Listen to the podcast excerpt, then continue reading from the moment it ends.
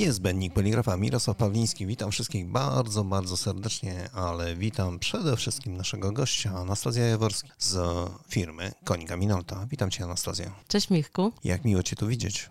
Yy, ja czekałam, że tu przyjdę. Ha, ha, ha. No widzisz, no widzisz, zawsze zapraszam, ale dobrze, że zgraliśmy czas i możemy trochę porozmawiać na temat emocji w poligrafii. Tak, moją dzisiejszą pierwszą emocję jaką było, że cieszyłem się, że jednak przełożyliśmy to spotkanie, bo ja jeszcze dużo się dowiedziałam na dzisiejszy temat. No to będzie się działo.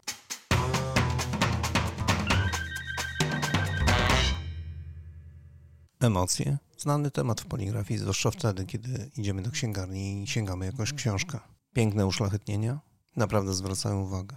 Ja bym powiedziała tak, że książka to nie jest o uszlachetnieniu. Książka jest o treści i jak kupuję książkę, to chcę, żeby po przeczytaniu została mi taka, wiesz, emocja, że wow, nie na darmo spędziłam czas.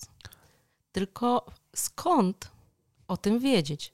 Skąd wiedzieć, że ta książka jest wartościowa, y, nie znając treści, nie czytając y, jakichś opinii i tak dalej. Tak, odbieramy wzrokowo, powiem więcej, odbieramy dotykowo i pierwsze, co na nas sprawi wrażenie, to właśnie okładka. Jaka ona jest, jaki jest papier w środku, to też jest ważne.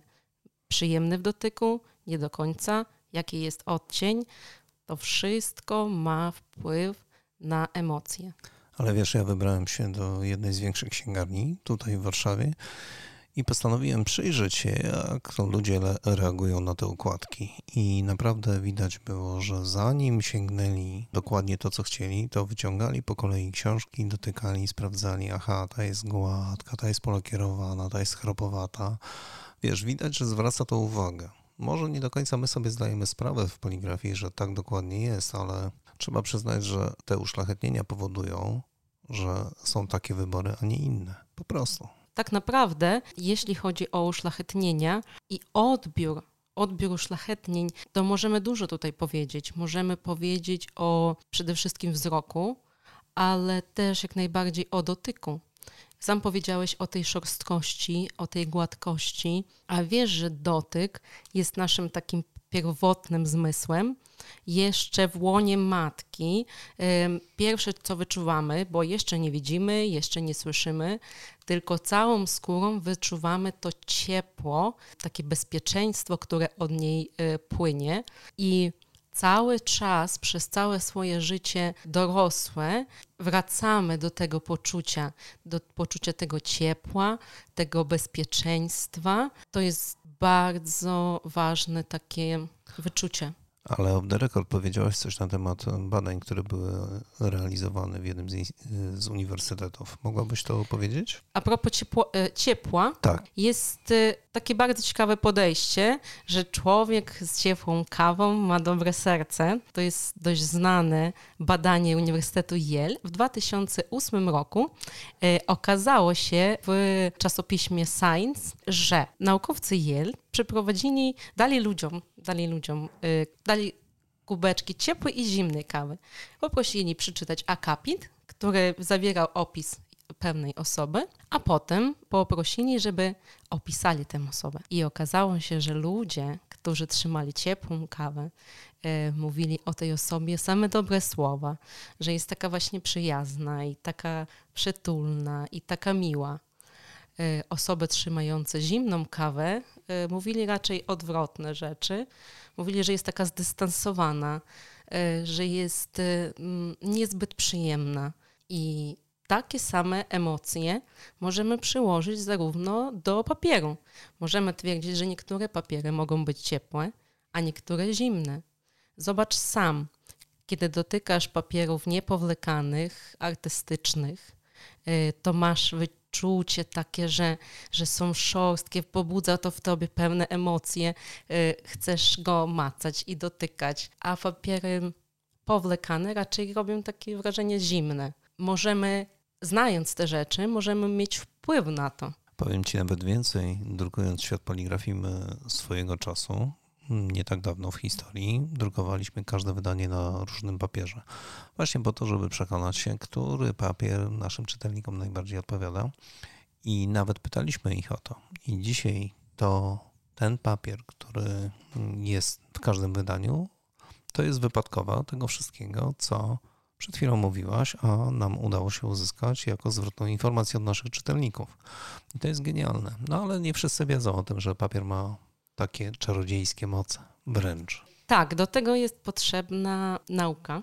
I tą nauką jest haptyka. Haptyka odpowiada za badanie wpływu na e, ludzi właśnie różnego rodzaju takich, nie wiem, pobudzacze dotykowych, ale też kolejna rzecz, którą się zajmuje, to projektowanie tych uczuć, czyli zaplanowaniem. To ona przede wszystkim przewiduje, kim jest odbiorca tego lub innego produktu, powiedzmy projektowanego, potem kreacją, czyli nie, nie kreacją, tylko założeniem funkcjonalności, co powinien robić ten produkt, a potem dopiero stworzyć y, te wyczucia, właśnie posiadając wiedzę, jaki y, konkretnie wpływ ma jaka tekstura, jaki, jaki ten pobudzacz.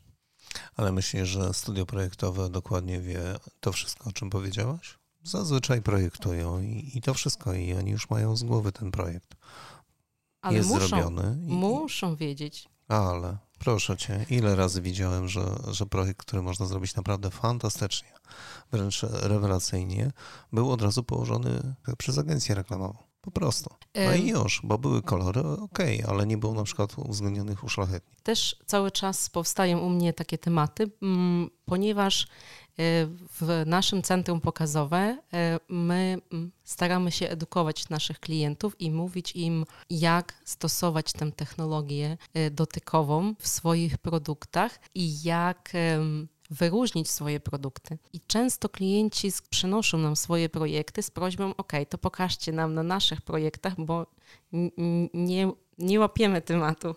Y, pokażcie na, na naszych projektach, co macie na myśli. Sama widzisz, jeżeli klienci do Was przychodzą, no to i pytają o takie rzeczy, no to masz e, pokaz tego, e, co można rzeczywiście osiągnąć, znając technologię. Tak, jak najbardziej. Jak najbardziej. My im pokazujemy, dopieszczamy do, e, na ich konkretnych projektach i pokazujemy, jak jaką można użyć teksturę, jak można użyć zdobień, e, jak można wyróżnić swój produkt i potem też uczymy, jak to można zrobić, żeby oni też wiedzieli. Ale wiesz, jak to, ale wiesz, jak to jest? To jest tak, że wszyscy dzisiaj szukają, żeby koszty zmniejszać. Z drugiej strony chcą więcej zarabiać. To jest na to rynek, czy nie ma na to rynku? Jest. E, mamy na to przepis. Zazwyczaj e, twierdzimy, że uszlachetnienie to jest coś powyżej, że to jest luksus, ale gdzieś branża cały czas próbuje obniżać koszty, obniżać, obniżać, obniżać, obniżać i w pewnym momencie dochodzi do momentu, że już to wiaderko czy ten, ten worek z obniżeniem już jest pusty, nie ma z czego obniżać. Mm. Obniżać to jest pół biedy, ale nie ma na czym zarobić. No i tutaj my proponujemy technologię cyfrową, na której jest możliwość zarobić, ale też y, to nie jest takie oczywiste, y, że wystarczy, wystarczy mieć mm, technologię i możesz, możesz zarabiać duże pieniądze. Technologia to jest tylko y, zasób, to jest jakby narzędzi. Zawsze wydawało mi się, że potrzebny jest pomysł. Tak, dokładnie. Spojrzenie na rynek w inny sposób. Uczymy trochę, ale też inspirujemy się mocno wtedy, kiedy klienci mają pomysł nie tylko na swój biznes, ale na produkty, które chcą produkować, ponieważ drukarnia jest takim, takim miejscem, w którym powinny powstawać pomysły. Jeśli drukarnia, weźmy powiedzmy pudełko, tak? Też w wersji poligraficznej mówiliśmy o okładkach, ale porozmawiajmy może o pudełkach. Też jak najbardziej produkt y, na czasie. Tak? E, I klient, który przychodzi do drukarni po takie pudełko, on oczekuje, że te, to pudełko będzie spełniało funkcji, spełniało jego cele biznesowe. Nie kumuluje pudełek dla piękna, tylko chce, żeby produkt zapakowany w to pudełko się sprzedawał. I jeśli drukarnia nie wymyśli tego pudełka, jeśli nie stworzy tego pudełka w głowie swojego klienta, bo ten klient nie ma pojęcia, jakie on chce to pudełko. On chce, żeby ono działało. To jeśli drukarnia nie stworzy takiego pomysłu, jeśli nie stworzy tego pudełka, tego produktu specjalnego, to będzie musiała produkować tanie pudełka. Anastazja, ale mówisz o kompetencjach drukarni e, takich, które rzadko można spotkać na rynku, bo zazwyczaj drukarnie po prostu przyjmują zlecenia i to wszystko wykonują i z głowy i chcą zapomnieć już o tym zleceniu. Natomiast takie aktywne, które mają technologię, którą mogą zaproponować klientowi i przyjrzeć się produktowi, oj, muszę Ci powiedzieć, że ja znam tylko kilka. E, prosty przykład. Znam drukarnię cyfrową, która robi zaproszenia ślubne. I można byłoby powiedzieć, że pandemia i teraz po pandemii, no przecież jaki to biznes, zaproszenia ślubne. A jednak, jak uszlachetnili, jak dobrali do tego papier, kolory i tak dalej, nagle się okazało, że mają zamówień popachy. Inaczej się tego nie da powiedzieć. Popachy. A obok drukarnia prawie się zamyka. Więc o, o co w tym wszystkim chodzi? Bardzo dobre y, określenie i bardzo dobry przykład. Y, właśnie w Konice stawiamy na pomysł, ponieważ sami, sami spotykamy się z sytuacją na przykład naszych klientów, którzy mając odpowiedni pomysł, są w stanie pozycjonować ten sam produkt techniczny różnie cenowo. Czyli masz jakiś wyrób, w formacie A4, ale nazywa się on papier firmowy, a masz ten sam e, złocony, powiedzmy, a masz certyfikat i technicznie wkładasz w to te same zasoby, ale oczekiwania od certyfikatu oszlachetnianego są zupełnie inne. Założenia w certyfikat są takie, że człowiek, który czegoś się nauczył, ma tą wiedzę wartościową od najlepszych nauczycieli i jeśli dodać do tego jeszcze odrobinę uszlachetnienia, to ona potwierdzi jakość tego szkolenia. Chodzi o pomysł na produkt przede wszystkim. Naszym gościem Anastazja Jaworska, Konika Minolta.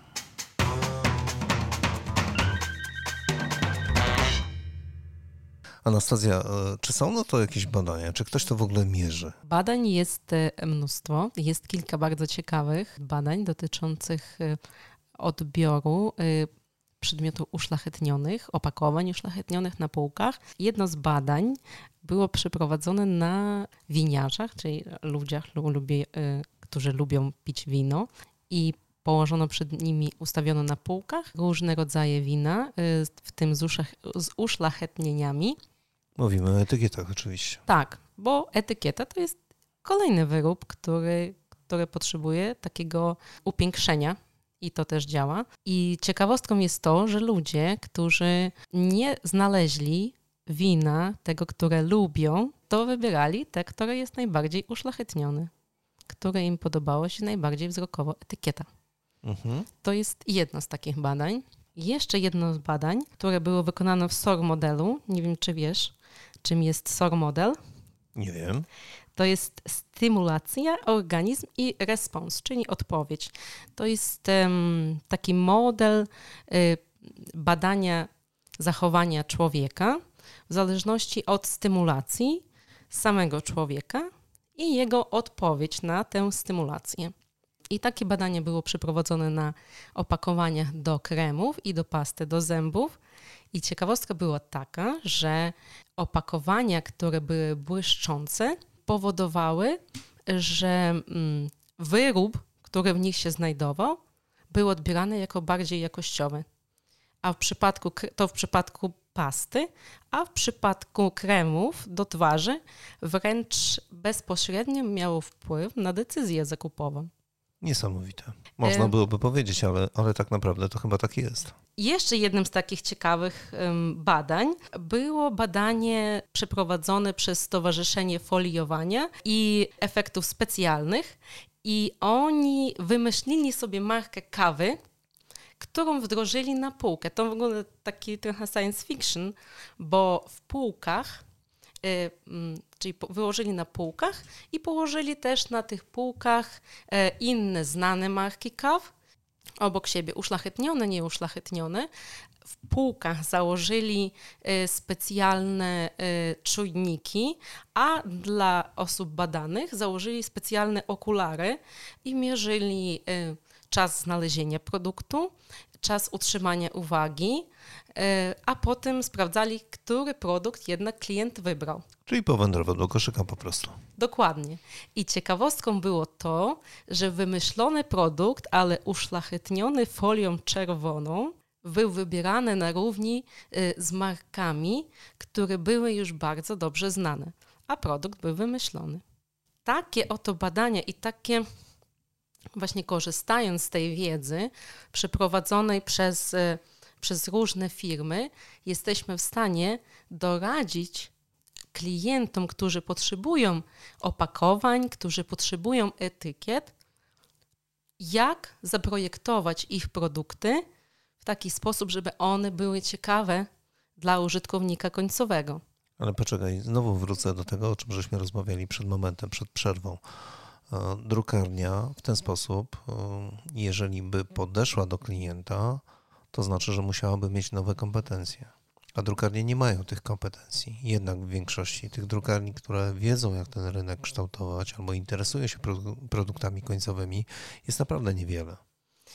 Znaczy, może inaczej, gdybyśmy to opisali w inny sposób, tak żeby nasi słuchacze wiedzieli, to przychodzi klient do drukarni. Prosty przykład i mówi, że chciałby zrobić sobie opakowanie na konkretny produkt. E, drukarnia podpowiada mu, w jaki sposób ma być uszlachetnione, jak ma się składać, jak ma się otwierać i tak dalej, czyli podstawowe cechy tego opakowania, ale już ta drukarnia nie sprawdza tego, jak wygląda konkurencja tego produktu na półkach. Nie wychodzą dalej. Wykonują tylko to, co jest związane bezpośrednio z ich usługą. Wiesz o czym mówię nie wychodzą dalej, nie sprawdzają, jak wygląda konkurencja tego pana na, na tego typu produkty. I to jest trochę przerażające, że jednak drukarnia dzisiaj, żeby funkcjonowała, y, no niestety musi posiadać nowe kompetencje. Jeśli mówimy o przyszłości drukarni, to moim zdaniem to jest jedyne wyjście proponować tę wartość dodaną.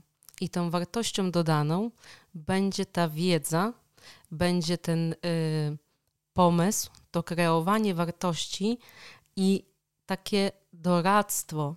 My w Konice prowadziliśmy kilka różnych badań związanych z rynkiem już użytkowników, czyli, czyli może nie użytkowników, tylko osób, y, które przechodzą po te opakowanie, po tę etykietę i sprawdzaliśmy ich wiedzę na temat, jak za, tak, takich zagadnień poligraficznych. I wiemy, że ten rynek jest często niewyedukowany poligraficznie i kto jak nie drukarnie powinna ich nauczyć. W takim razie, Anastazjo, jakie są wyzwania dla klientów drukarni, a jakie są wyzwania dla drukarni? Bo jednak one są trochę różne. Są różne, ale gdzieś są i spójne. Przede wszystkim takim spójnym to jest um, spójnym wyzwaniem jest edukacja rynku na temat uszlachetnień, na temat tego, jaki ma wpływ. Sam powiedziałeś o tym, że y, drukarnia może o tym nie wiedzieć, y, a klient też poszukuje tej wiedzy. Właśnie edukacja, przede wszystkim edukacja rynku na temat wpływu uszlachetnień i jego możliwości, to jest pierwsze wyzwanie. I jest y, według badań najistotniejsze reszta, czyli jakieś zapotrzebowanie, y, opłacalność takich wydruków, czy redukcja budżetów, bo po prostu oszczędzamy już na uszlachetnieniach, to są jakieś naprawdę mniejsze, mniejsze te wyzwania w porównaniu z tym głównym brakiem edukacji. My w Konice staramy się uczyć naszych klientów, jakich efektów mogą osiągać, stosując y, uszlachetnienia. Y, mówimy im też o najnowszych badaniach. pokazujemy im e, możliwości technologii uszlachetnienia, pokazujemy im, jak sprytnie, jak fajnie można wydrukować od e, jednej sztuki, a tego na rynku też brakuje. Mm, my sobie z jedną firmą przerobiliśmy takie ćwiczenie, e, że oni robią piękne rzeczy personalizowane, ale naprawdę od jednej sztuki. Czyli dwóch takich samych już nie potrzebujesz. I okazało się, że zrobić to w jednej sztuce w Polsce nierealne, bo to będzie kosztowało majątek. A tego może być naprawdę dużo. Wystarczy przejrzeć swój schemat czy plan biznesowy i spróbować znaleźć miejsce na te pojedyncze sztuki, ponieważ technologia na to pozwala. Oj, technologia pozwala już od dawna. Drodzy Państwo, Świat Poligrafii Professional kilka lat temu drukowaliśmy, personalizując dokładnie zawartość dla czytelników. Czyli nasi czytelnicy otrzymywali czasopismo z zawartością, która ich interesowała. Pojedynczo. I to było specjalne zamówienie na, e, zrealizowane na e, potrzeby jednego z dostawców. I oczywiście było duże, duże zaskoczenie, że wydanie posiada kilkanaście okładek, że posiada różną zawartość. I my żeśmy też tego no, próbowali rynku, e, sprawdzając, co znaczy personalizacja, ale powiem Ci, co jest większym wyzwaniem. Wyzwaniem jest wyedukowanie konsumenta, że on może mieć jednak produkt pod siebie przygotowany, bo to zawsze jest zaskoczenie. Ale to jest fajne. Tak, ale to jest jednak zaskoczenie, wiesz, bo mimo wszystko nawet dwie osoby siadające przy jednym biurku, każdy otrzymuje ten sam produkt, ale z inną zawartością, patrzą i, i nie mogą uwierzyć. Chwila, moment. To samo wydanie czasopisma marcowe posiada różne okładki, różną zawartość. Ja uważam, że różnorodność to jest to, do czego dążymy i potrzebujemy tego pytanie jeszcze nad zapanowaniem i monetyzacją tego, taki, taką y, wartościową. Każdy z tego uzyskuje, y, ale każdy, każdy potrzebuje coś dopasowane do siebie. Każdy ma inne, inne spojrzenie i każdy ma inną potrzebę. W przypadku, wracając nawet do tego samego dotyku, dotyk jest taką niewerbalną formą komunikacji ze światem zewnętrznym. Mając coś y, pod ręką, szorstkiego, wyczuwasz, że to jest szorstkie i ty tego potrzebujesz. Chcesz teksturę, masz teksturę. Korzystając z technologii cyfrowej, z lakierowania wybiórczego, wypukłego, to chcesz piasek, masz piasek. Chcesz wodę, masz wodę. Chcesz y, drewienko, czy nie wiem, skórę, masz teksturę drewna lub teksturę y, skóry. I i to y, takie indywidualne podejście i to, że możemy to zrobić w druku cyfrowym i to, że mamy taką możliwość, to jest fajne. To jest Bez zbędnych kosztów. Oczywiście. Tworzenie makulatury chociażby. Fajne jest to, że dobry operator może to zrobić nawet na maszynie. Nie musimy mieć grafika z trzema wykształceniami artystycznymi możemy to zrobić na maszynie i też to pokazujemy naszym klientom. A jeśli mamy takie zasoby, jeśli mamy taką możliwość, to czemu nie komunikować i nie pokazywać tych możliwości na naszych produktach? Dlaczego? Dlaczego z tego nie korzystamy? Haptyka, sensoryka, dobrze, rozmawiamy o biznesie poligraficznym.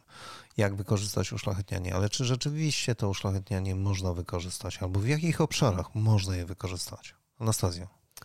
E, jednym z obszarów, e, w których możemy wykorzystać uszlachetnienie, na przykład korzystając z tej sensoryki, o której ciągle gdzieś tam nić przewodnia jest w naszej rozmowie, mm, to jak najbardziej wykorzysta możemy wykorzystać ją e, w materiałach marketingowych, w materiałach mm, drukowanych, w opakowaniach tworząc w pewien sposób otoczkę taką haptyczną, otoczkę sensoryczną naszego produktu. Znając, jak, jaka struktura, jaka tekstura działa na naszego użytkownika, jesteśmy w stanie zmienić jego odbiór i odbiór, percepcję naszej marki. Jesteśmy, y, mamy gładką powierzchnię, bardziej miłą, y, taką y, delikatnie szorstką, fajną w trzymaniu i to są takie niewerbalne zasoby komunikacji, którą możemy zmienić percepcję naszej marki i to są zagadnienia biznesowe. Często w e-commerce pierwsze, co dostaje nasz klient, to jest pudełko. Nie wie nic o marce, dopiero później skorzysta z produktu, ale pierwsze wrażenie będzie właśnie od opakowania. E, I to, jak go odbierze, będzie miało wpływ zarówno na lojalność, jak i na postrzeganie naszego produktu na bardziej czy mniej jakościowe, bardziej lub mniej wartościowe.